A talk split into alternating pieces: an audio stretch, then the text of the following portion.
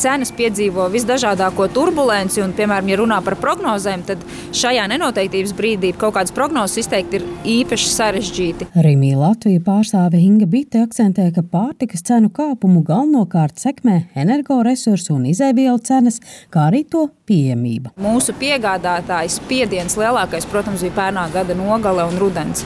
Mēs katru dienu tiešām nepārspīlējot cenējumam cenu pieprasījums par cenu pieaugumu saprotamu iemeslu dēļ arī viņu izmaksas pieauga. Ņemot vērā šīs energoresursus, kas bija vienkārši milzīgs pieaugums, arī mēs to izteikti jutām. Mēs esam veikals, kur, protams, arī ir ļoti liela daļa energoresursu izmaksas, kas, protams, atstāja arī šajā brīdī ietekmi uz to gala cenu. Šobrīd šī situācija jau ir teiksim, tā, mazliet nostabilizējusies, bet, protams, vēl joprojām diezgan, nu, ja tā var teikt, vienkāršot bedraini.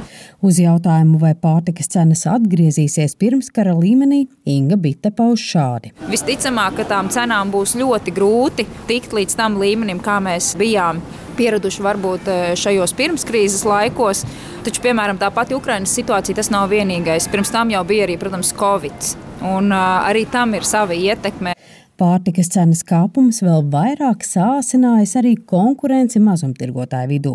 Cīņā par pircēju tiek liktas lietā dažādas akcijas, arī cenu fiksēšanas pasākumi. Mazumtirdzniecībā, īpaši Latvijā, tā konkurence ir vienmēr bijusi sīva. Nu, šobrīd viņa, protams, kļuvusi vēl izteiktāka, un šie apstākļi ir kļuvuši vēl izaicinošāki, bet tas vienmēr ir labi. Un arī tas, ko piemēram šis laiks tirgotājiem ir iemācījis, tiešām strādāt efektīvi. Arī tas, ko mēs kā Rīgā esam savā uzņēmuma iekšienē gan reorganizējuši, gan pārskatījuši, gan domājuši par savu efektivitāti, tas viss, protams, ir labā ziņa, lai pircējiem šī gala cena arī būtu pieņemama. Bite uzsver, ka pēdējā gada laikā uzņēmums dažādojas arī piegādātājus. Faktu, ka darbs ar piegādātājiem cenu celšanās periodā bijis pārdomāts, akcentē arī Maksima Latvijas pārstāve Laura Bagātā mums nav saistītas rokas, kad mums ir jāņem kāds konkrēts apjoms no kāda konkrēta piegādātāja. Taču ja ir cenu maiņas, vienmēr ir pirms tam ilgstošas sarunas ar ražotājiem, ar piegādātājiem, lai pārliecinātos, nu, ka šī cenu maiņa patiešām ir neizbēgama un pamatota. Nu, tā teikt, mēģinot nodrošināt šo zemo cenu pēc iespējas ilgāk. Laura Bagātā skaidro, ka produkta cenu veikala plauktā ietekmē daudzi faktori, un produkta iepirkuma cena ir tikai viens no tiem.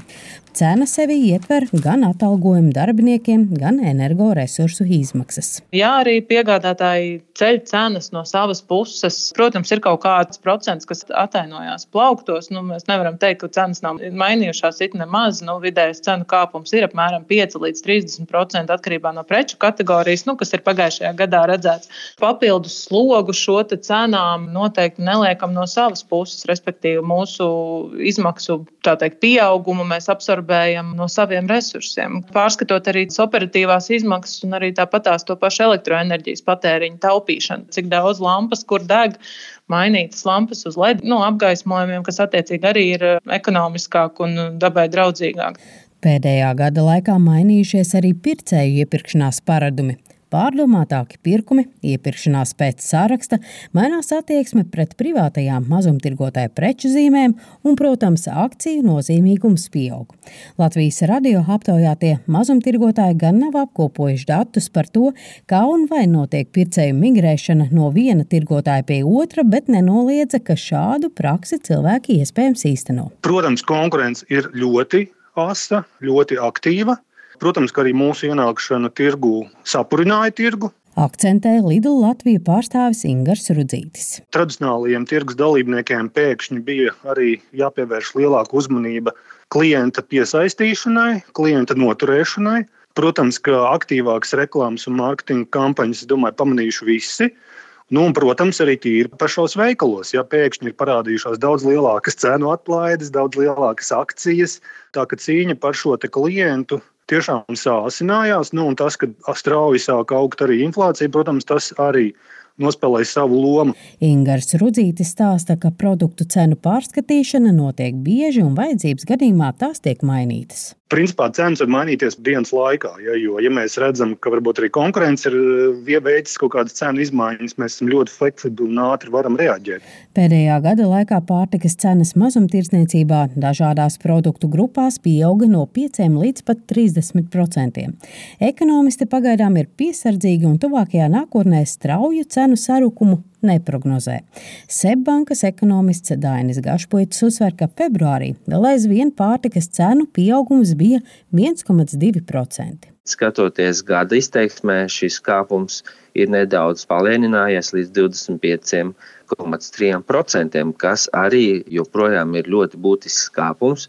Protams, tas norāda, ka spiediens uz mājasemniecību maciņiem tieši no pārtiks cenām joprojām saglabājās ļoti spēcīgs, bet pagaidām tādu ļoti tūlītēju pozitīvu ziņu vēl nav, bet nu, skatoties uz priekšu, ticamāk, ka mēs varētu piedzīvot inflācijas tempu straujāku kritumu. Tas nozīmētu to, ka cenu pieaugums strauji palēninās, un atsevišķām grupām jau varētu parādīties arī cenu līmeņa kritums.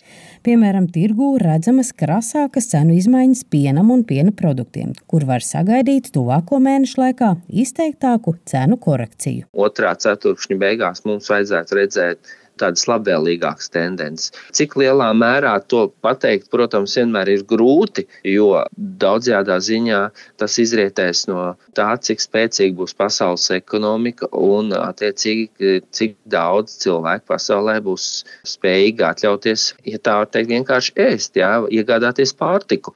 Tomēr nedz ražotāji, nedz tirgotāji nesamazinās cenas, kamēr nebūs stabilizējušās energoresursu cenas. Protams, ka nu, tāds pārmērīgs cenu kritums pieaugums nebūs dēļ tā, ka tomēr mēs redzam, ka aug citas izmaksas, īpaši arī tas, kas saistās ar darbinieku atalgojumu. Arī bankas citadela ekonomists Mārtiņš Āboliņš ir piesardzīgi optimistisks, sakot, ka strauju pārtiks cenu kritumu mēs tuvākā laikā nesagaidīsim. Bet vai kādreiz cenas atgriezīsies pirmskara līmenī? Tā šķiet, ka drīzāk nē.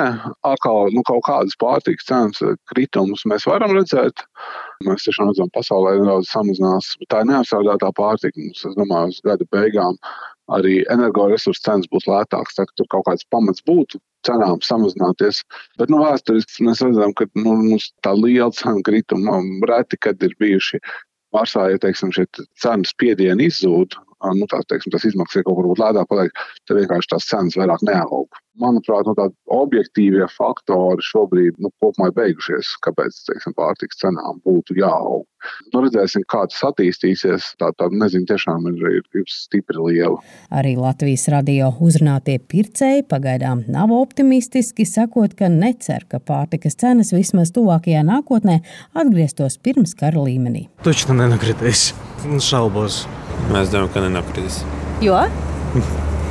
nu, parasti nekas nekritīs cenas nekad nekritīs, viss paliks tikai dārgāks. Nu, es domāju, ka man nav tāda ļoti iepriecinoša prognoze pieprasījums arī samazinājās. Neticu, ka visas cenas pieauga tikai pamatoti. Domāju, ka uzņēmēji pārdomās un sāks arī pārskatīt savu cenu politiku. Savukārt lauksaimniecības tirgus veicināšanas centra vadītāja Ingūna Gulbe akcentē, pārtikas cenas samazināsies, bet tik un tā ar dzīves dārdzību patērētājiem jārēķinās. Cenas iet uz leju, viņas ir apstājušās kāpumā, dažas iet uz leju un droši vien, ka paies, bet to cenu līmeni, kas bija pirms tā lielā kāpuma, mēs nesasniegsim. Tāpēc ka tomēr elektrības, visas un citas enerģijas cenas jau nav un nebūs nokritušas pirmskara līmenī. Darba spēka izmaksas Latvijā, vai kad mums tur to budžetu pieņēma ar minimālās algas pieaugumu, vienkārši nav iespējams. Un tā uzskatāms rādītājs, ka tas roltons, kas maksāja pirms cenu kāpuma 20 centus un uzkāpa līdz 68, viņš 20 vairs neatgriezīsies. Dainis Gašpuitis uzsver, ka ražotāji neriskē mazināt cenas, ja pastāv pastāv risks, ka kādā mirklī izmaksas būtiski pieaugs. Tāpēc ir jābūt gataviem cenu svārstībām, bet tādu lēcienu, kāds bija pērn, visticamāk, tuvākajā laikā nepiedzīvosim. Linda Zalāne, Latvijas Radio.